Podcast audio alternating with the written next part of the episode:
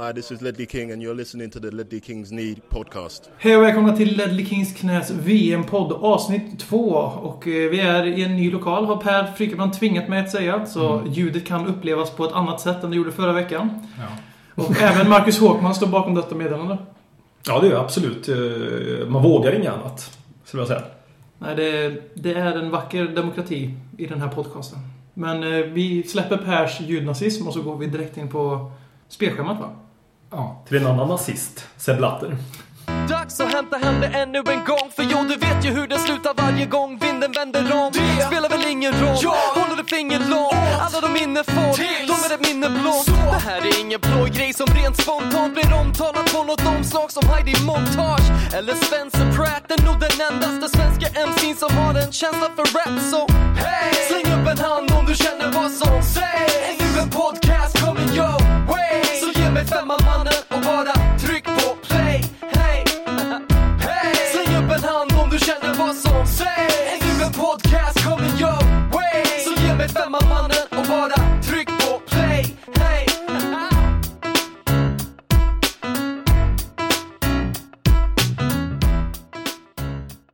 Vår vana trogen så börjar vi ändå VM-podden med lite Spurs-tugg och eh, det är väldigt lätt idag när spelschemat för Premier League 2014-15 släpps. Och det nya schemat börjar ju faktiskt med en VM-final också, så att på så sätt är det ändå passande. Passar. Ja, fin. ja, precis. För ena laget är det en VM-final. Ja, det är ju för oss i Spurs nu då efter den magiska trippeln förra året. The treble. Så nu är det ju våran VM-final för vi är ju lillebror i relationen igen. Eller? Mm, ja, verkligen. Det känns ju jättefel att höra de orden från någons mun. Att vi skulle vara lillebror till eh, ja, West Ham. Men eh, ja, vi kan väl inte fortsätta förlora mot det här bunkargänget så att säga. Med Sam Allardyce och Och nu när den stora... Eddie Carroll som kommer göra hyschmärket när han gör mål mot oss. Varför gör han det? Det är en annan sak. Men... För att han inte fick gå till oss när han gick till Liverpool och kostade 35 miljoner pund. Och nu när hjälten från VM-finalen 2013, Joe Cole, också har lämnat West Ham, så öppnar upp ändå för att vi kan vända på den här trenden. Gratulerar Aston Villa till den vi också. Ja. Det och sänder oss. Två starkaste världar hittills i Premier League, får vi säga. Sen eh, efter VM-finalen så har vi faktiskt The Harry Bowl. Där vi ställs mot eh, Harry Redknapps QPR. Får se hur många Spurs föredettingar som eh, huserar i blåvitt Mm. i andra omgången. Kranchar är väl bara där på lån va? Är han köpt eller han är på lån på tal om för detta toppenspelare Jag tror att kanske faktiskt är QPR-spelare. Han är permanent Jag grej. tror det i alla fall. Ja. Alltså IK2 alltså IK2 tror han kommer vara i QPR. Nej, Han kommer inte vara i Tottenham heller. nej. Nej. Men om man tänker... Det Om man, skillnad på nej och nej där kan jag säga. men om man tänker Nico Kranjčar alltså. Ja, med lånstatus. Vi, vi ska egentligen kunna det här men eh, han spelade ju skadad i playoff-matcherna. Och det hade han väl aldrig gjort. Om han var på lån då hade han ju fejkat och vägrat vara med. För eh, han missade ju VM på grund av det här. Ja, det- Och det gör, jag hade fan inte gjort det för min låneklubb. Framförallt inte för QPR. Han älskar Harry Redknapp kanske också. Varför det? Han blev frisboxad av Harry. Ja. Eller inte frisboxad blev han Ja, inte. Han blev petad av bättre spelare. Per. Carroll. Frysboxen. Mm. I Tottenham eller i QPR? Ja, QPR tänkte jag på tal om Ja. kvalmatcherna. Ja, han var ju skadad då. Mm. I kvalmatcherna. Det som var bäst med det här spelschemat är att vi inte har de här mardrömsmånaderna längre som vi, som vi har haft. Det Haft som, de senaste säsongerna. ja, som har blivit lite av en tradition. Vårsäsongen framförallt. Eller Mm, så har vi alltid de här fyra så kallade stormatcherna på rad och så Ja. Europa League emellan. Och, Och man vet alltid att här kommer säsongen Avgöras. fucka ur, som man säger på nysvenska. Vi har ju först, det är också någonting jag alltid kollar på direkt när vi möter eh, de där rödvita jävlarna. Ja, precis. Hemma, minns det var ju första helgen i februari i alla fall. Sjunde februari? Mm, Ja, kan stämma. Ja, det var första helgen i alla fall. Och sen hade vi en rolig runt jul nyår där vi möter både Manchester United och Chelsea hemma efter varandra. Ja, vi har Eh, några sådana där. med 28 tuffa- tuffa december och så första januari möter vi Chelsea. Så det är ju två. Det är ju tips för folk som kanske åker runt den tiden. Det är ju dyrt att flyga till London över jul och nyår. Men baka in många matcher och Jag få två ju- sådana höjda matcher. Vi har faktiskt fått en fråga på Twitter från Anders Ås som frågar om någon vill bli hans Stig Helmer på en resa till London över Mm. nyår. Mm. Så om det är någon som vill det, vill du då Håkman? Jag är ju i Hammarby i alla fall. Så, Ja. ja. Det, ja, passar ju bra det. Ja, kanske inte så mycket annat med Stig Helmer. Jag har glasögon också. Ja, Mm. Och vi båda gillar Algeriet, jag och Stig Helmer också kanske. Det gör ni. ja. och Musse Pigg. ja. En sak jag märkte, eller jag re- reagerade på, det var inte bara jag, det var Herr Holmén också. Jag tror det var Herr Holmén, de är ju två stycken som heter Holmén på Twitter, svenska Spurs-twittrare. Mm. Och en av dem reflekterar över att vi både börjar borta och slutar borta, vilket är ju väldigt ologiskt. Man brukar få välja något utav det. Alltså funkar det i Sverige i alla fall vet jag. Att klubbarna får välja antingen om du vill börja hemma eller sluta hemma. Man får antingen Ja, jag valet. tycker ska Jag man vet ha inte det är England. eller man Jo, men så är det i, Sverige vet jag. Du får välja. Klubbarna får välja i alla fall. För Alltså- det är ju två, det är ju liksom matcherna, även om man inte har noll, även om man har, första omgången har vi aldrig någonting att spela för egentligen, men då har man ju en säsongens, ny säsongförväntning. Liksom, det är Ja. alltid hä- häftigt med debutpremiär. Och sen sista matchen är ju alltid, oavsett till och med om man hade en pissäsong som vi hade i fjol, eller ja, relativt. Så ser man fortfarande fram till säsongens sista match. För Vilka att man vi? vet att det kan vara sista, vi har Everton borta sista. Ja. Så, så det, Walk in the park. så man, man, det är jävligt tråkigt helt enkelt att inte...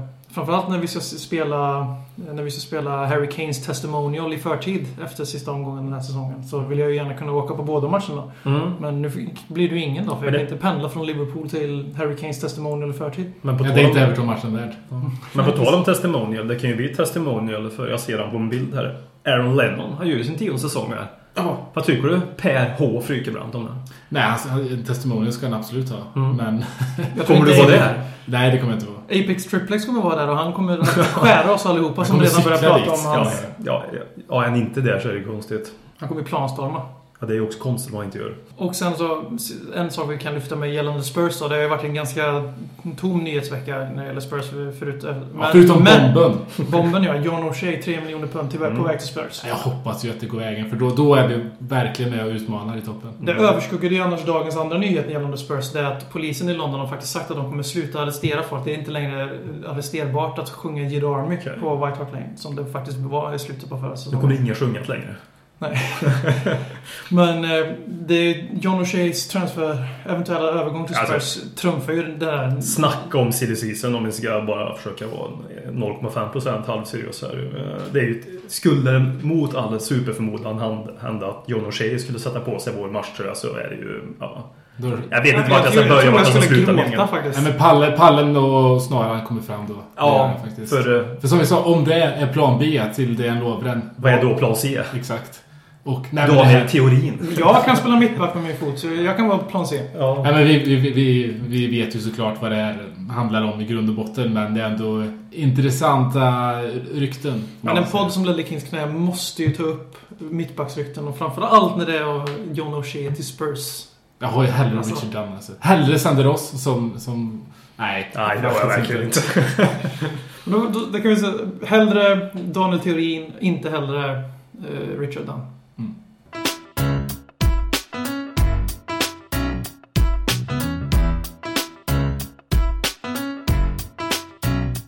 Dyker direkt in på VM 2014 i Brasilien. Där värdlandet Brasilien ställdes mot Kroatien i öppningsmatchen och där vi... Va? Ja, jag vill flika in med en grej där. Ja. Eh, Brasilien inledde det här VMet. Vet ni vilka man mötte, alltså Brasiliens landslag mötte i sin första match någonsin?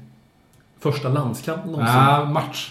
Någonsin. Brasiliens första match någonsin. 19- 1914 var det. 1914, det är ju inte sådär Uruguay, Argentina någonting. Nej. Det är för uppenbart naturligtvis. Ja, Eh, Panama. Nej. Sverige. Jag tar- chan- Okej, om ni inte vet så kan ni inte gissa er fram till det. Nej. Exeter City, One. Jaha, ja då har vi fått sutta ett tag kan jag säga.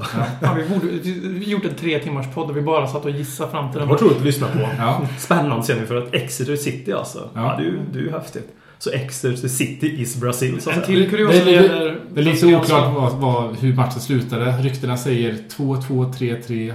4-1 Exeter säger jag. Ja. Men det är en jag. annan, annan kul kuriosa är när Span, eller jag, Frankrike efter Brasilien-VM 50 hade de spelat, hade de varit där, då skulle de passa på att klämma in en match, tänkte de, eh, mot ett klubblag.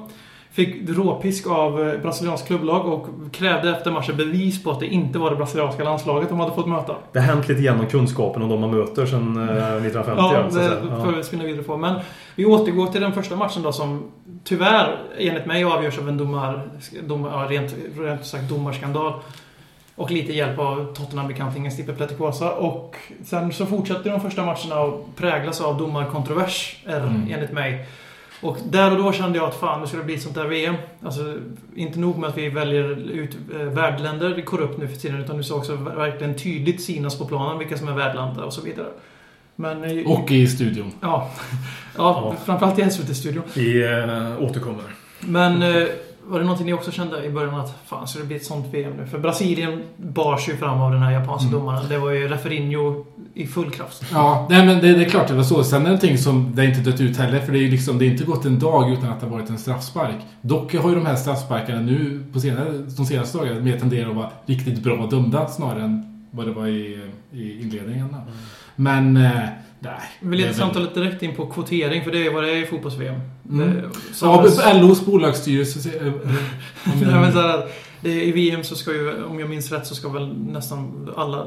De plockar ju ut domare från väldigt många länder snarare än att välja ut världens bästa domare. Det är exakt så det är, ja. Precis. Mm. Mm. Och det är ju en form av kvotering. Jag, kom, jag kan inte exakt regelverket. Jag vet att det är många som är väldigt missnöjda över att de inte bara väljer ut världens bästa domare som ska dölja, dölja som ska döma världens bästa spelare i världens största turnering. Är det någonting ni delar? Ska, det, ska, vi, ska vi fortsätta kvotera in domare i mästerskap eller ska vi faktiskt välja ut de som är bäst? Och sen om alla de Ja, är men det från måste, England så är det, de måste ju ändå, det måste ju ändå finnas en slags representativitet Mm. bland, bland domare. Så att det inte är liksom... Jag menar 50 engelska För det är domare. sen i slutet... Är risken. För det blir ju det, det är risken då att det kan bli jävligt då när Mm. England spelar. Sen tycker jag man kan, kan tumma lite på den åldersdiskriminering som finns när man inte får döma efter man är 45. Colina! Jag menar Samuel Eto'o, han får spela VM men han får inte döma till exempel. Så det är liksom, man får tända på lite på de där gränserna. Nej, men jag håller helt och hållet med om att man försöker sprida ut på länderna så mycket som möjligt just för att det är lätt att sitta och säga att det är en japansk domare och han är dålig. Vad har han för inhemsk liga säger de och, och det där. Jag tror att det kan, tugget kan gå så i stugorna överlag. Och bara för att man dömer Aston Villa mot... Sen får man, eh, alltså pressen man får från publik och sånt, det påverkar människor. Hur, hur ofta de än tänker säga att det inte gör det så är det klart som fan att det Ja men, ja, påverkar. men titta Jonas Eriksson som dömer Allsvenskan som kanske inte är topp tre i världen. Men Nej. han gjorde ju ändå en bra match. Mot, uh, mellan USA och Ghana, tycker jag. Mot Ghana och USA. Ja, men det tycker jag också. Mm. Så jag menar, eh, ja. Vi fortsätter på domarspåret kort bara. Eh, De har ju lite nya hjälpmedel i den här VM-turneringen. Framförallt den där sprayen då som används vid frisparksmuren som jag redan ser lagen systematiskt fuska mot. Och även eh, mål, mållinjeteknologi. Har du inte sett att de Nej. redan har börjat stå på linjen och inte bakom linjen varenda jävla lag, varenda frispark? Det har inte jag heller tänkt på faktiskt. Jag har inte tänkt på det. De, de har börjat med redan nu att ställa sig med halva foten över Det linjen. låter ju inte som moderna Lägger, lägger en liten egen lina där kanske. Wilshire. Sniff. Och så, men nu, sprayen, kort bara. Äh, kort, bra. Ja, absolut. Bra. Det är självklart. Och så den stora snackisen då, mållinjekameran som... Eh, Av någon oförklarlig anledning så tror hela engelska befolkningen fortfarande att inte det var mål på Benzema där, För att de fick ju se båda situationerna. Bollen tar ju stolpen först. Mm. Och där är den ju inte inne, men bollen är ju inte död. Utan den flyger genom luften och är sen solklart inne. Honduras coach tyckte inte heller det riktigt såg ut som. Och på min Twitter, som är överrepresentativ med brittiska fotbollssupportrar, så är de fortfarande i konflikt på- med varandra sociala medier där, om att bollen faktiskt inte var inne. Vad ska vi med den där jävla kameran till? Eftersom den var ju inte inne. Ja, alltså, ja, men... Ja. Men det är engelska, eller brittiska supportrar. Alltså bara lämna dem utanför samhället och alla diskussioner som berör samhället. Men ni är för målkamera, eller? Ja. ja, det tycker jag. Speciellt som man, den verkar funka smidigt och snabbt här nu också. Så jag Jag det- är det, är det målkamera eller är det målsensor? Nej, målsensor Ja, och då ordet går det väl någon... Eh, klockan vibrerar. klockan vibrerar. Och så står goal eller no goal. Ja. Nej, men jag tycker den känns... Men vibrerar den även om det står no goal?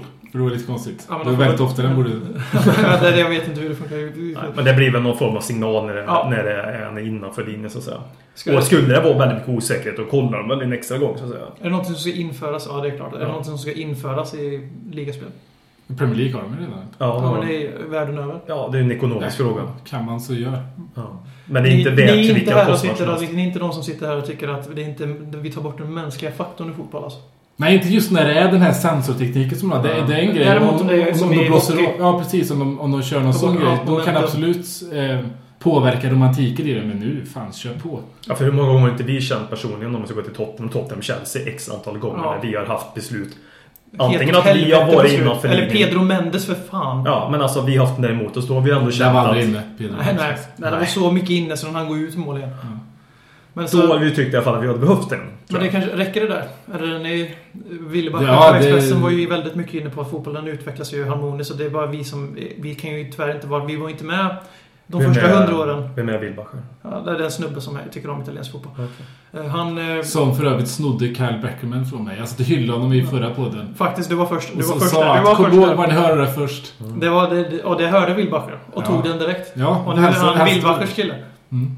Han syndes i alla fall han. Den här Kyle. Han var riktigt skön. Han känns... Något annat som stuckit ut. Vi släpper domarna då. Vi verkar ju vara väl för eniga för att det ska bli intressant att lyssna på. Så har vi något annat som stuckit ut förutom Kyle Beckerman?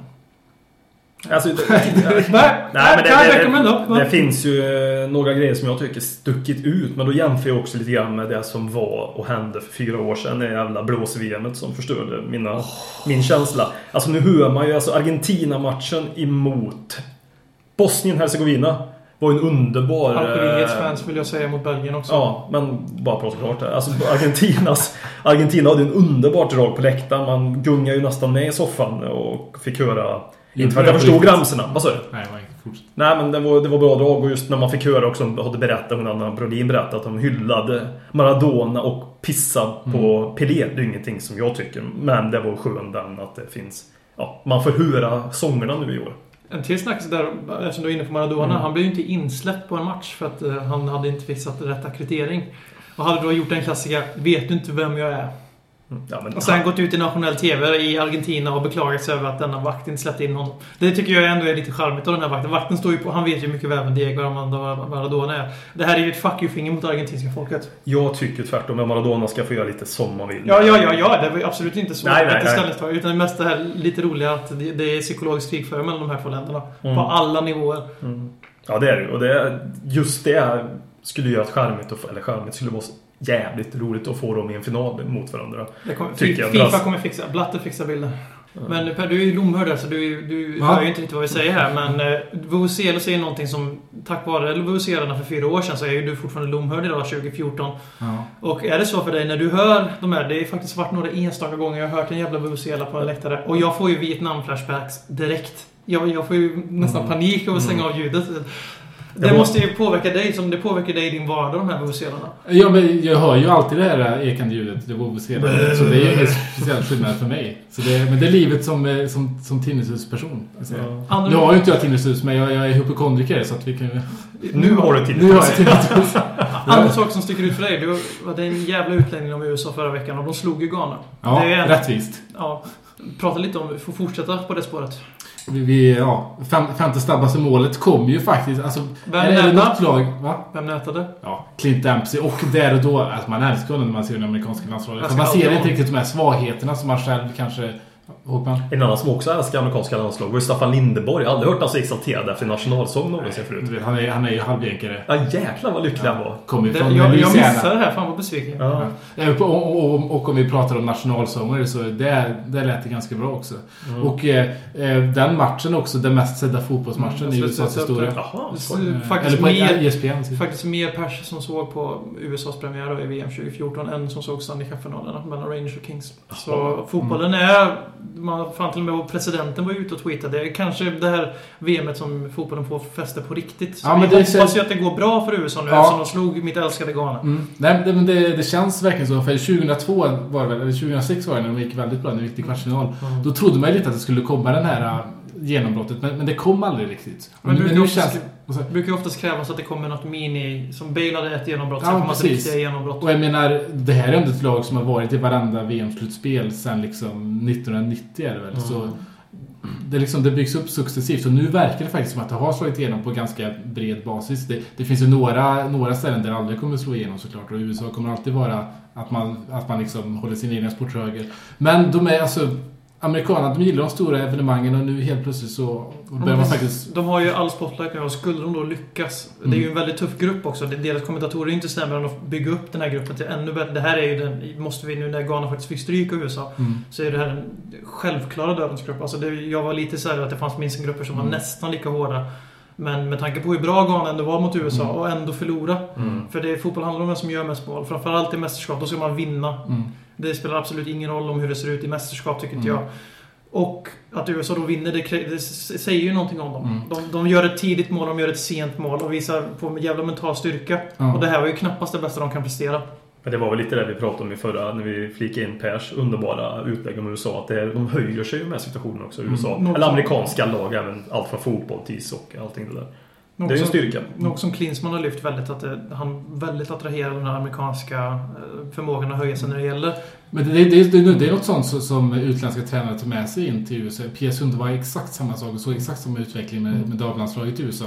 Eh, Går vi in på matchen mot Ghana så är egentligen det sämsta som kan hända i USA med den taktiken de kör med nu är egentligen att de får ett tidigt mål. Efter 30 sekunder, ja det För de, de, kan, de kan inte försvara och de, de kör väldigt offensiv fotboll. Ska i alla fall göra. Nu fick de ett mål efter, efter, efter 30 sekunder och får försvara sig i 85. Och sen så är det ju faktiskt så att Ghana visade ju med eftertryck att det där 2010-året, det var ju inte någon flax. Utan det Nej. det är ett riktigt bra fotbollslag med fruktansvärd väldigt- sårbarhet bak. Mm. Man undrar ju varför inte Amartey faktiskt på riktigt nu, varför han inte platsar i den här truppen.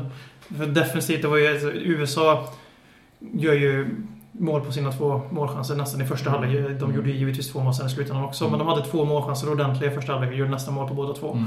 Och eh, Ghana med sin trebackslinje som det såg ut som de spelar mest. Ja. Och Altidor skadade. Det roliga var att han har ju haft den här ex ex extrema måltorkan och eh, hade den måltorkan höll sig även i landslaget. Och så var det när de hade en landskamp mot Skottland, tror jag. Förra, förra landslagsuppehållet, eller sista landslagsuppehållet Mm, mm. medan säsongen var igång. Eh, det var på en träning och han, han gjorde mål då och assisterande tränaren skrek Nej, nej, offside. Klinsmann kollade över. Så här, ond i blicken bara skrek Håll käften! Och så gick han fram till dem och sa han behöver det där målet. Mm. Och sen dess har det lossnat för honom i landslaget. Och eh, eh, matchen innan är mot, eh, mot Nigeria så gjorde han två mål också. Och det, det är ett jätteavbräck. Och jag, jag trodde personligen att Modelovski skulle få gå in och axla det ansvaret. Men det är Johansson som, eh, ja han heter inte Johansson som, som Staffan Lindeborg. Staffan Lindeborg amerikaniserar alla namn. Mm. Eh, men eh, nej, det ska bli intressant nu. Men jag, jag tror att de den här gruppen, jag, jag, vad sa du? Kan de hota Portugal? Det kan nog faktiskt, alltså det är deras, alltså Belser Cameron är kanske ett av de sämre mittbacksparen i det här VM-slutspelet. Och... I eh, hård konkurrens som, som, som lag, absolut. Men, men Ronaldo kan på riktigt promenera igenom där. Eh, Dock så är det så att det här är en, en, en grupp som, jag sa det förra veckan, att det säkert bara behövs fyra poäng för att gå vidare. Ja, nu tror jag att det kan, det, det kan faktiskt vara så att det också bara behövs tre poäng för att gå vidare. Så Det kan det se ut. Så att eh, en, en heroisk insats där och de är klara. Det som gläder mig mest med deras seger. Jag, alltså jag brukar ju till, till skillnad från ni pratar om att fotbollen så växer i USA. Jag, jag står inte riktigt på det här tåget. Jag, jag vill inte se att, jag tror ju inte heller, men någonstans vill jag inte se att USA blir någon stormakt när det kommer till League och MLS för någon alltför stor Mm. betydelse för flykt från europeiska klubbar. Nej men det, här, det, kommer, det kommer inte Nej, men de alltså, jag slutar inte med målkameror kan jag säga. Nej, precis. Jag vill inte... Alltså, ja. Nog om det i alla fall. Så hoppas jag ju för segern. Det som var bra med segern det var för att nu kommer matchen Tyskland-USA betyda någonting. Mm. Och du får duellen i sista omgången mellan Löv och Klinsmann. Det, och så har du ju en del födda Mm. tyskar så att Ja, säga. med- I, i, i det amerikanska landslaget. Så har du ju en väldigt fin duell. Ja. Och två... Många dueller matchen i matchen också. Eh, Jag känner att ni är färdiga om den här gruppen. Ja, jag tänkte komma in Ja. där. Det var två målrika lag där som vi nämnde. Så målrikaste VM sedan 58. Är det värt att nämna kanske? Varför är det det? Är det dåliga backar bara? Ass, ja, men sen ligger väl lite den nya modellen. Jag, ty- jag tycker personligen att det känns som back, mittbackarna överlag. Det är väldigt få lag som har två bra mittbackar. Ja. Många lag har... Ja, men få. Precis. Kroatien tycker jag ändå har Ja. speciellt... Ja, men det är ett fint mittbackspar där. Eh, Brasilien har ju kanske världens bästa mittback i Thiago Silva, som jag ser det. Men Ja, kanske men också det har är- världens sämsta mittback. Sett till ryktet. Inte prislappen. Nej, precis. 500 miljoner för David, eller David Luiz, som Men med att säga. Och sen säger de Oscar. Oscar, ja. Oscar. Och sen, sen känns det lite grann som det ligger i trenden med lite mer snabb eh, fotboll. Alltså om du ser på de tyska lagen. Det är Bayern BLC-fotbollen har slagit igenom. Ja, alltså. det, den, det är tiki-taka-trenden. Tiki-takan kanske inte är dum, men tiki-taka-trenden blivit, den har är... morferat, den har gått vidare ett steg. Exakt. Det är mer offensiv fotboll nu. Det- Vi det- såg ju, vi såg ju förlåt jag avbryter igen, Chile spelade ju den här, jag skulle nästan vilja säga att Marcelo Bielsa, nu får han jävligt mycket cred här, men han är en av de här, huvudnamnen bakom utvecklingen vi ser i dagens Mm. fotboll. För han är verkligen det här extremexemplet när det gäller den här högoktaniga, som jag kallar den bielsanska fotbollen då, med hög superpress och fuck the försvarsspel, full fart framåt. Och eh, Chile spelar ju fortfarande så och därför blir matchen ikväll då, när vi spelar in mot Spanien, blir så dödligt intressant. Så jag det, det ser fram emot den här matchen mest av alla i VM just nu. Men Mm. vi, för, kopplingen till Spurs snabbt. Pochettino är hans, eh, vad ska man säga, arvtagare. De Ja. har ett speciellt band, så då var det klart. Men vi ser ju nu att vi såg ju först den tyska övertagandet av klubbfotbollen från Barcelona som var helt eh, fantastiskt överlägsna. Mm. Och sen nu, det var en helspansk final. Ja, jag vet, vi, vi är inte helt korkade i den här podden och vi såg förra året att det var en helt tysk liksom. Det Men inte det. spansk Men- fotboll? eller? Nej, Tiki-takan är inte nummer ett längre, utan det är den här bielsanska fotbollen Mm. med vissa eh, kanske ganska smarta taktiska förändringar i Mm. vissa lag. Så det är full fart. Superpress funkar inte mot alla lag. Men vi ser att den har fått sitt genomslag på nästan alla nationer. Framförallt de här mindre kända lagen. Spelar ändå den fotbollen. Mm. Förutom Grekland. Vad sa du förutom? Grekland. Förutom Grekland, ja. ja men de, det är ju ändå skönt att, det fin- att inte alla hoppar på Ja. den senaste trenden. Att det finns olika dimensioner i fotbollen. Det, det uppskattar jag. Och det var ju liksom som eh, en av de här matcherna, det har vi inte sagt att vi ska prata om, men jag tar in det ändå. En av de här matcherna som jag tycker var tydligast, där du möttes två olika fotbollsstilar. Inte för att England har varit den fotbollsstilen tidigare, men det var det verkligen tydligt tyckte jag. att Italien spelar på ett visst sätt, England spelar på ett, eh, på ett, på ett mer omställningsspel. Eh, Liksom, te- bolltempot upp till straffområdet skilde sig väldigt mycket åt. Och det, det är ju också intressant. Oavsett vilka det är nu, men det är de matcherna jag kommer på i huvudet som jag kan tänka Ja, men det var ty- väldigt tydligt där. Ja. om- Om, om ändå kommer in på de här olika fotbollsstilarna så tror jag också att det är anledningen till att England inte går bra i slutspelen längre är för att de spelar på ett sätt som de inhemska klubblagen inte alls gör. De här spelarna är inte vana med den typen av fotboll som engelska landslaget spelar om du kollar på, på de, eh, hur klubblagen spelar i Premier League. Ja, absolut. Ja, och sen, sen är det också en risk just om om engelska landslaget som exempel. eh, som- Det är ju den ligan man följer mest väl personligen och då läser man ju mest om ligan och lite andra saker än just bara Tottenham i synnerhet. Det är ju att de pratar väldigt mycket om hur de ska försöka få England att bli som Tyskland. Och för några år sedan försökte de prata om hur ska England försöka bli som Spanien. Men England, som du är inne på, England ska kanske försöka vara England och hitta sin egen melodi. Det är så lätt att kolla på... Brendan Rodgers-fotbollen är ju vad de som spelar. Ja.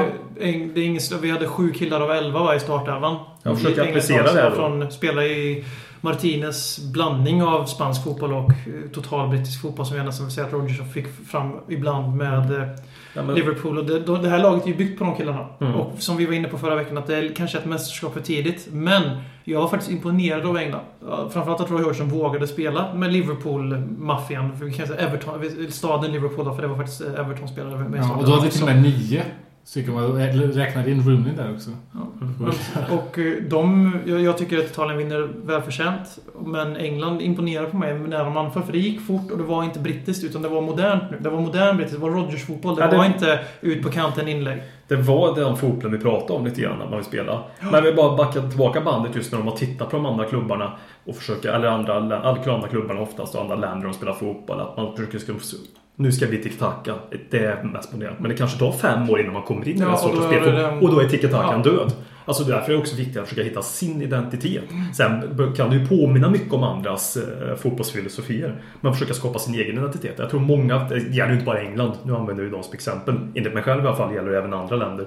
Även Erik Hamrén så att säga, där fotboll ska på ett visst sätt. Men alltså, man ska skapa sin egen identitet. Det är ju lite grann. Ja, men det är därför inte vi är i det här slutspelet och också var, var så framgångsrika för 10-15 år sedan. Att då spelade vi på en fotboll där liksom... Roy Hodgson-fotboll. Ja, men det, liksom, det, fanns en röd linje i den, Mm. den typen av fotboll som spelades i, i, liksom inhemska klubbar och den som spelades i landslaget. Nu finns inte det. Liksom, vi kör 4-2-3-1 eller vad fan vi kör. Liksom, den typen av fotboll spelas inte i Sverige. Eller har inte gjort det i alla fall. Nu kommer det väl lite mer. Men då får du heller inte de spelartyperna. Samma sak med England. Om du inte spelar engelsk fotboll i landslaget så får du heller inte bra spelare för att de stöps inte i den modellen.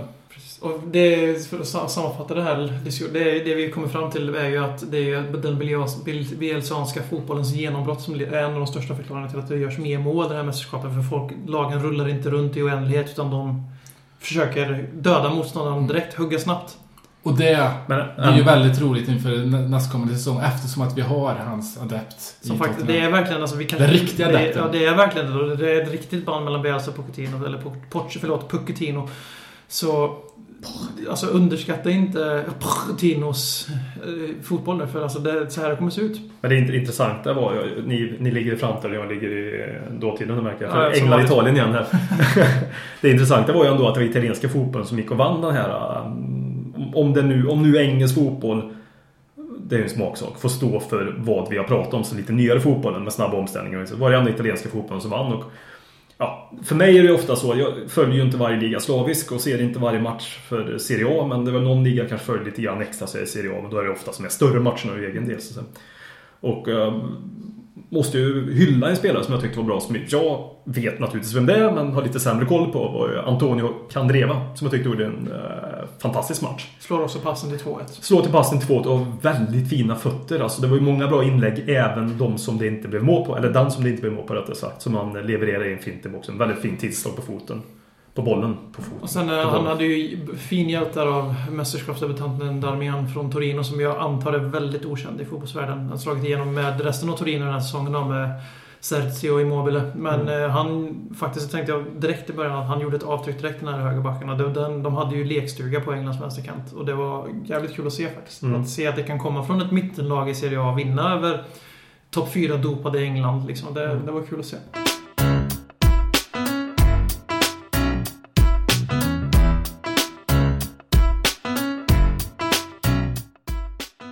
Tottenham, Tottenham, Tottenham. Det var tre gånger Tottenham i Belgiens startelva mot Algeriet och innan det hade ju Hugo Lloris hållit nollan i en briljant match från fransmannen.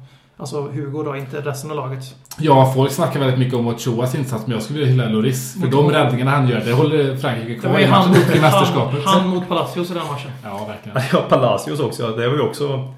Ja, inte Tottenham här nu, tycker men... ni Pogba borde blivit utvisad för sin eftersläng? Nej. Ja, jag vet inte. Jag tycker man ska se lite mellan fingrarna när de blir så provocerade som Ja, de eftersom blir. Palacios sparkar ju honom när han ligger ner två Ja. gånger. Så jag, jag tycker inte... Jag, det var exakt samma sak 98 med Simeone Beckham. Jag tycker inte man ska åka ut för såna grejer. Ja, Beckham ska alltid åka ut. Ja, jo, men Palacios gör aldrig fel. Nej. Så ingen av dem ska åka ut. Men och så har vi ju ytterligare en kille. En kille som faktiskt sitter på någons kropp i det här rummet just nu. Och det är ju Nabil Bentaleb som ensam demolerade Belgiens mittfält i 70 minuter. Ja, det är alltså Håkman som har skaffat en Algeri- Al- Al- Algeriet-tröja med Bentaleb på ryggen. Nummer 14. Ja, Jag ser det som en självklarhet. Eh, Jag, Du annars jag, pissat. föres, jag förespråkar ju eh, namn på ryggen Ja. Men... eh, Ja, jag har ingen försvarstal. Jag... Blir det Bentaleb på Spurs-tröja 2014? Nej, det är aldrig. aldrig De aldrig. ser för övrigt skitfula ut. Om Gör de det? eh, Är det nej. Ja, det här är ju, fula. det är ju mer än, om man ska vara helt ärlig, mer än eh, Minnes- ett jävla dyrt practical joke känns det som. På 800 minnes- kronor, så det, det är mer den grejen. Ironi som väldigt få förstår, tror jag. Men eh, ja, vi återgår till själva matchen i sig. Vi, vad ska man säga om belgarna? Spurs-belgarna. Två stycken av dem blev utbytta. Deras er, ersättare vände matchen och den tredje orsakar straffen som Algeriet tar ledningen på. Jag blev väldigt, bara för att säga, när jag såg uppställningen. Nu, nu såg jag inte matchen så jätteklart. Jag var på personalfest. Men, men alltså, när, när jag såg Chadli var med från start tänkte jag oops. Han fick ju också spela någon konstig mellanting av winger och central. Ja, men var inte det lite förvånande? Väldigt. Ja, för han har ju inte spelat så mycket på de här matcherna innan VM. Eh, Inte från start i alla fall. va? Kvalet har ju varit Jo. Ja. Ja, Men det jag känner är att men vad fan. Vi har haft många, många diskussioner om Chadli på sociala medier om det. Men jag tycker verkligen inte att han är... Han är varken bra nog för våran startelva eller för Belgiens startelva. Men däremot så har förtjänar han sin truppplats i båda två och han får för mycket skit. Men det är en annan diskussion. Aha, han blir, han blir jag håller ju med om det. Det Och- du säger det. Det är ingen slump, om man ska fortsätta koppla till Spurs, det är ingen slump att Belgiens anfallsspel blev betydligt eh, mer free-flowing när både Dembele, Dembele och Chadli blev utbytta Mm. för Mertens och Fellaini. Dock så var ju de, efter de två bytena så spelade ju Belgien med en struktur som var väldigt och det var full fart framåt. Håll tätt bakåt så att säga. Mm. Och då är Mark, Wilmot sin jävla hjälte helt plötsligt. Mm. Och Chelo en idiot. Slutel, slutelvan, viktigast. Ja, precis. Fråga Hamrén. Det är väl hans motto, så att säga. Dembele fick ju kritik, jag förstått, utav matchen. Jag, Långsam, jag, omständig som ja, vanligt. Chadli fick också kritik. Ja, Fertongen fick också ja, kritik. ja, men vad fan. Han Ja, men alltså, jag, vet, jag har en poäng här. Paulinho har också fått kritik. Alltså de, de bär ju med sig lite formen de har haft i Tottenham. Det är ju inte så att de gjort en spraklig säsong i Tottenham, något de tycker inte jag personligen i alla fall. Det, är- Nej, nej, det, är har inte. det är nog ingen slump att de kommer in lite svajade. Det är nog inte bara enkelt att sätta på en eh, superform för man kommer in i det brasilianska landslaget. Så många har tänkt, även John Paulinho. Mm. Eh, för Men det de var ju för att han var så fruktansvärt Oh, ja. outstanding i Confederations Cup. Suverän. Helt suverän. Men alltså, också. Men jag, jag tycker ändå det är lite skönt det, för det ändå, det ändå kan påvisa, alltså vi har sagt förut Mm. att liksom, eller jag har gjort förut, att Mm. jag tror inte att det här handlar om någon liksom, stolthetsgrej, att man, Nej. att man inte liksom, kan liksom, slå sig för klubbmärken, utan det är så, det är, liksom, det är en, en, en kollektiv jävla form, dipp Ja, helt enkelt. Ja, och det är faktiskt det är som det, är skönt för det betyder att det kommer bli Mm. bättre nästa säsong. Med all, alltså det är ju väldigt osannolikt att det blir sämre i alla fall. Mm. Eftersom det brukar form, formkurvor kallas ju kurvor för de går upp och ner, inte för att de går Mm. ner konstant i tre år. Så Nej, men det är ju så. Det känns ju nästan som, som ni säger, det känns nästan som ett, man blir nästan positiv, alltså man blir positiv utav detta på något sätt. För att det betyder ju att de... De är det, är inte, riktigt de är dåliga. är liksom, det, dåliga, är de är det var inte vi, det var dem. Ja. Så, alltså, det, är liksom, det är det vi försöker säga. Det var Ja. inte Tottenham i sig, utan det var spelarna också. Det var inte bara för att de spelade i Tottenham de blev Exakt. dåliga. Och vi har inte hjärnspöken. Om du bara ser Loris, nu behöver inte han, nu behöver inte han satsa på mycket prov mot Honduras. Eh, så- jo, 85 där. räddningar. Så kanske det var. Men alltså Bentaleb som jag sitter stolt med här på ryggen. Han gjorde ju som vi också sa innan vi började sp- spela in här idag. Att han gjorde väl en helt okej match. Också som han har gjort i Tottenham. Han går in och gör det han ska. Majoriteten, av, majoritet, majoriteten av sina matcher som... Om man är, om man är en alibi-spelare tycker jag har negativ klang. Jag vet inte om du var ute efter det. Så Nej, men ja. Det var- det var, det man säger- lite man, säger, man säger alibi-spelare om man vill vara kritisk så säger man, eller så säger man en duglig mittfältare på Ja, men- VM-nivå. Han, kan gå in på vilken nivå som helst så Ja, han det sticker är det, ut. dit jag ville komma. Precis, Lite Daniel Andersson. Mm. Att eh, han, killen är Vi snackar om en kille som gör sin första seniorsäsong i ett nytt land. Han spelade i Frankrike sen han var 16. Spelade seniorfotboll i Premier League. Gjorde några riktigt, riktigt bra insatser. Några riktigt, riktigt dåliga. Men de absolut flesta så var han en godkänd Premier League-spelare. Så kallad alibi-spelare. Gjorde inte bort sig, men gjorde, gjorde inte väsen av sig heller. Exakt så gjorde han nu i VM, även om det var hans straff och hans mål. För det var han som slog den öppnade passningen. Ja, ja. ja min, I mina böcker har han gjort ett mål i VM. Ja, samma. Och eh, även Wanda dos Santos har även gjort två VM-mål. Mm. För, för detta Team Geo, så, eller jag är alltid Team Geo tills jag dör. Mm. Men det ser vi där igen. De två killarna var ändå två exempel som inte drog ner den här kollektiva formtippen. Eller åtminstone lyckades ta sig ur den. Det- Jag vet inte om Bentaleb någonsin hade den, men Loris hade en liten dipp. Men han tog sig ur den. Mm. Och de bär med sig sin positiva form i VM. Det är hur lågt som helst. Och det som sagt, Bentaleb, som vi återvänder honom, det är sjukt jävla imponerande att se den här killen första seniorsäsongen.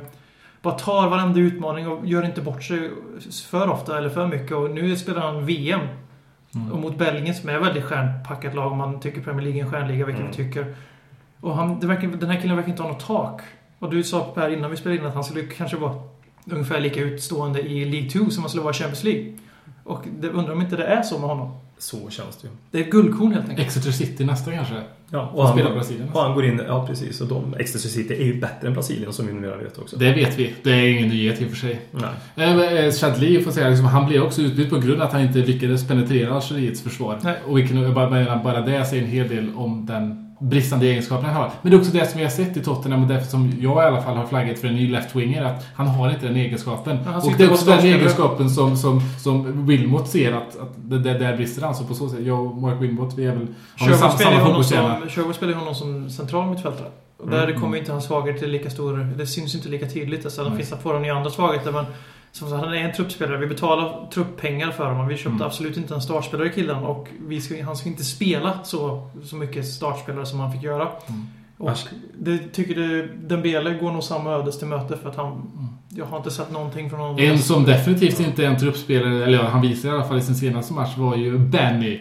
Som eh, Just det. nästan eh, höll på att sänka. Johan och Dos Santos. Efter att de borde ledat med 3-0. Nej, 2-0 förlåt. Mm. Kameruns bästa spelare i den matchen. Ja, det var väl, jag också en match jag inte så, men det var väl en frispark där som man... Ja, och ett var inlägg till Han Eto'o var som... faktiskt ganska bra i den matchen. Mm. Det var han.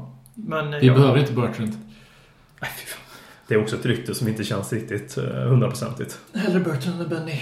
Vi behöver avlasta den Men eh, har inte Benny sagt på sociala medier under säsongen att han får inte prata om Spurs just nu men att han kommer liksom prata när han lämnar och han kommer mer eller mindre lämna i sommar. Jag vet inte. Ja, Jag följer jag jag vill minnas sån längre. Jag orkar inte med den karln. Är det någon, är det någon som Spurs-spelare som får lyfta bucklan? Nej. Ja, Paulinho om det är någon som... I dagsläget nej.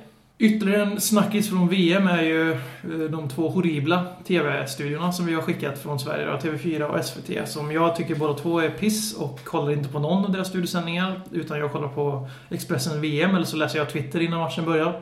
Och skiter totalt i SVT och eh, TV4. De fem minuter jag har sett med SVT så pratar de bara om Brasiliens match dagen innan istället för att prata upp eh, Ghana-USA tror jag det var. Eller någon, Det var någon så relativt stor match som de bara sket i totalt och pratade om Brasilien.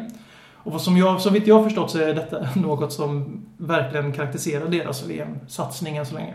Eh, Så är det ju. Och eh, som du var inne på där, även när dagarna inte Brasilien ska spela. För som igår kan man ju, är ju rimligt att prata upp Brasilien så att säga. Så har de ju eh, 14 journalister på Brasilien. Nu överdriver jag, men de har ju en som stand, följ, följer Brasilien. Eh, Björn Lindgren. Du? Björn Lindgren. Är det så han heter? Inte Ja. Henrik Brandao Jönsson då? Nej, han sitter ju i studion som är ja, ny bekantskap med hört talas om. Och han pratar om sin kärlek. Ja, men han, han tycker ändå fyller ett Han bott person. 12 år. Ja, för han pratar ju en del om Brasilien som land även utanför fotbollen som det lär mig lite i alla fall kring. Men det är framförallt det som handlar om just om SVTs VM-studio. Det är ju att det är så uppenbart att de har tagit en, eh, en eh, ja, support Brasilien-roll inför detta VMet. Alltså det, det går inte att tolka detta på något annat sätt. Sen tycker jag också att inför snacket och pratet, men det är väl så när SVT kör, de pratar ju inte till den nördiga publiken, de pratar ju till den breda publiken. Och då kanske det blir så som för oss runt detta bordet i alla fall. Nu vet jag inte vad Per tycker om SVTs eh, studiosändningar, men, men jag kan tänka mig att det blir de bara babblar självklarheter i stort sett. Det, man, det de säger det blir mer bara Ge mig ingenting matnyttigt. Jag, jag ser det ju på ändå ibland. eh, På ren eh, kommunistisk eh, anda så att säga. Jag, jag är så jävla trött på Garincha. Alltså alla snackar om Garincha nu känns det som. Det Ingen bara- visste, ingen visste, ingen visste vem man var innan. Nej. Nej men sen, sen har du ju TV4s studio som man, det- den ser man ju knappt för att och det här känns ju så jävla... Ja, reklam. Det känns ju så jävla bio. till Den, där- jävla reklamen. Men det, det, det går ju inte att bedöma den. För det, de, de, Ja, de har ju, om man, bara- kollar, om man kollar på pr- pr- TV4 Play Premium så slipper man ju reklamavbrott. Och då Jo. får man alltså se en, ty, en tyst arena i 15 minuter istället för... Ja, det är så. Ja, okej. Det är, inte, det är ingen reklam och det är fan ingen studio heller utan du får se Mm. arenan och så är det mutat ljud. Jag- tycker ju att Olof Patetiskt. Jag tycker Olof Lund är rätt vettig. Tycker han är bra. Han, han, Du fick triplets. Ja, precis. Nej, men jag tycker han ger någonting. Så Hasse Backe har jag däremot lite svårt för så sätt. Nej! Alltså- Kvinnokarn. Ja, ja jo, jo, diskussionen vi hade där och då var ju rolig, men som, som fotbollsexpert. Eh, sen har vi ju det som eh, VM tittar på, Sportexpressen. Jag tror många av de här som är lite mer nördiga överlag vänder sig ditåt. Så att säga. Nu menar jag nördig som en positiv bemärkelse. Och vilken, vilken podd får de sin VM-information ifrån? Ja, Ledder Kings knä. Exakt. Och här, lyssnar man på den här, då är det den mest nördiga podden. Så där, mest Jag underground vill i ju inte säga någonting men vi slog ju faktiskt både Wilbacher och Bero i, i förra guldskölden. Ja. Talkman show, Talkman show, Talkman, Talkman, Talkman show.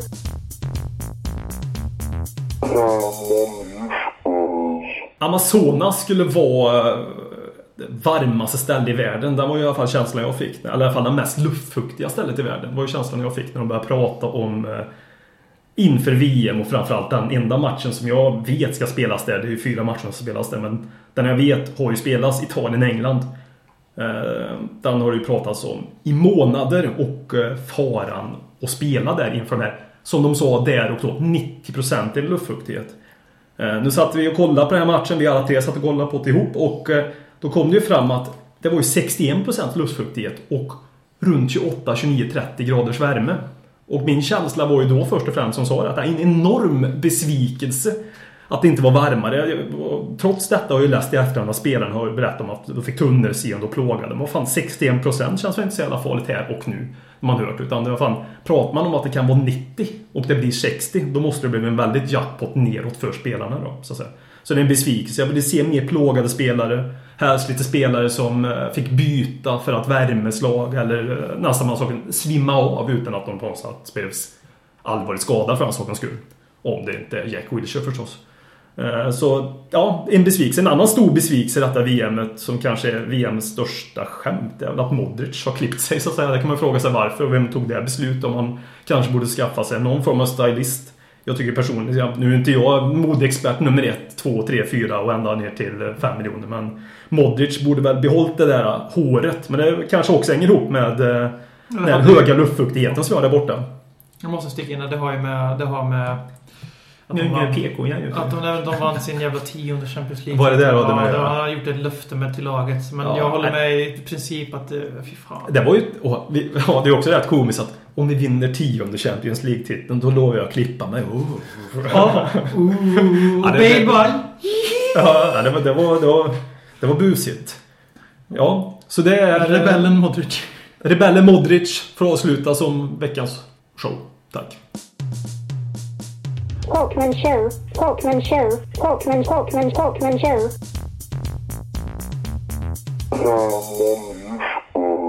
Yo, yo, yo, brukar Håkman inleda sin Håkman show. Inte den här gången faktiskt. Vad hände med det? Ja, Det var länge sedan jag blev gammal och bytt musikstil. Jag, är, jag har ärvt den musikstilen och därför väljer jag att inleda vår lilla frågestund med det. Fråga skulle jag vilja göra er också om det är så att det är någon som vill vara med i den här podcasten och vill ta över Per Frykebrands roll. Per Frykebrand som nu är inne och gör sina sista självande avsnitt i den här podcasten. Per Frykebrand ska lämna den. Prata om sig själv. Ja. Per Frykbrand tror att han ska lämna podden. Det som har hänt är att Per Frykbrand med sitt livstidskontrakt kommer få en ny roll inom Mm. podcasten.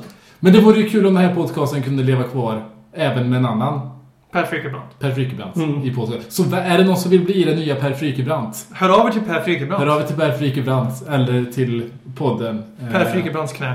Ni behöver eh, kunna vara i Karlstad i alla fall. Någon gång. I veckan. Eh, frågestunden. Vi har faktiskt vävt in en hel del frågor i det vi har snackat om, så därför blir det inte så många till övers. Men eh, vi gör ett försök i alla fall. Tobias Holm frågar Vilken överskattad VM-spelare som lyckats med några passningar för mycket kommer vi köpa för ett enormt överpris? Fred. Jo. Jag skulle säga Ochoa, men han är ju free agent då. Men Mm. som en eventuell ersättare ifall, Loris sticker. Vi köper den ändå trots att han är free agent. Ja, då, då är det ju... Då, ska- det skulle vara väldigt imponerande. Det låter ju inte direkt livaktigt. Sen är det så, vi har ju bara spelat, de flesta lagen har ju bara spelat en match. Även om Brasilien fick spela två före Ryssland och Sydkorea Är det- fick spela en. Det är det jag stör mig på. Ja. Det ska ju gå första gången. Ja. Det ska gå innan andra börjar. Det är Modern fotboll, det var för tv-tittare. Det ska passa Brasilien. Så jävla äckligt. Ja, i Ja. alla fall. Så det Fuck. har inte hunnit bli något poplag än som slår igenom på, under VM och säljer alla sina jättebra spelare. Förutom Algeriet. Ja. Men vi har redan deras bästa. Så var det. Om USA gör ett eh, bra slutspel, de har ju som jag sa VMs kanske sämsta mittbackspar. Eh, vi är ute efter en mittback. I Ocheas klass. I, och, ja, eh, Bells och Cameron, köpa någon av dem för ja, 20 miljoner pund. Sten, sax, påse om vilken som Ja. kommer eller? Ja, om, vi, om vi är ute efter John O'Shea så spelar det ingen roll vem av dem vi tar. K- Klinsmann rekommenderar. Ja. Micke Hagström frågar på Facebook. Chadli, han har väl spelat klart i VM eller? När såg vi Dembélé spela mer än 60-65 minuter? Chadli har nog inte spelat klart, men han startar inte fler matcher i VM. Men, eh, för han kommer definitivt gå igenom och ta inhopp eller så. För han har ju ändå en truppplats där startar och spelar fram till VM, säger något i alla fall. Men hur mycket vi än kallar dem för mediokra och medelmåttor och allt vad vi nu vill spura så du startar inte i Berlin eller Brasiliens landslag då om du är en medelmåtta utan det är förväntningar och så vidare. Men eh, Dembele är ju den nya van der Vaart med sin höft. Han har ju inte i sig längre. Och det är ju enda han har uh, Med Van der Vaart att göra, ja, ja. Van der Vaart presterar under 60 minuter. Jag läste faktiskt ett, eh, en liten, en, en, på ett online någonstans, jag kommer inte ihåg, men att Dembele när han var yngre, betydligt yngre, långt före han gick till Fulham, så var han faktiskt jagad av eh, klubbar av Real Madrid och Barcelonas dignitet för han började få sina höftproblem. Redan där och då alltså. Ja, så det... Ja, okej. Det Kan det, vara, kan det vara så att istället för att sälja, eller istället för att köpa en spelare för överpris så säljer vi en spelare för överpris efter det här VMet? Ja, har vi inte gjort det några gånger också Jo. historiskt sett? Det är vi också. Det är vi någonting som vi är duktiga på. Då heter det vi. När Livi gör någonting bra, då säger jag vi. Och när jag gör någonting dåligt, då säger jag fuck Livi. Ja. Ja, men Jag säga då, så jag vara objektiv, så att det Livi gör bra då. Mm. Så där. Niklas Flamström frågar på Twitter När släpps podden? Och ja, nu när du listar på den så den har redan släppts. Ja, Och med de orden så avslutar vi den här andra avsnittet av VM-podden. Och om du som lyssnar vill bli en del av den, kanske inte VM-podden men Ledder Kings Knäs Tottenhams-podd, eller vad det nu är. Per tre. Frikebrandts podd. Per Frykebrandts podd. Så hör av er till antingen Per Frykebrant eller eh, Marcus Frikebrant och Marcus Alexander. Per Frikebrant. Mm. Alexander Pato Mattsson. Vi tackar för oss och vi hörs igen om en vecka. Ha det fint. Ciao. Var det för mitt hår eller? Dags att hämta hem det ännu en gång. För jo, du vet ju hur det slutar varje gång vinden vänder om. Det spelar väl ingen roll. Håller du finger långt Alla de minne får De är ett minne blått. Det här är ingen blå grej som rent spontant blir omtalat på något omslag som Heidi Montage Eller Spencer Pratt. Är nog den endaste svenska MC'n som har en känsla för rap Så hey! släng upp en hand om du känner vad som sägs. Är nu en podcast coming your way. Så ge mig femman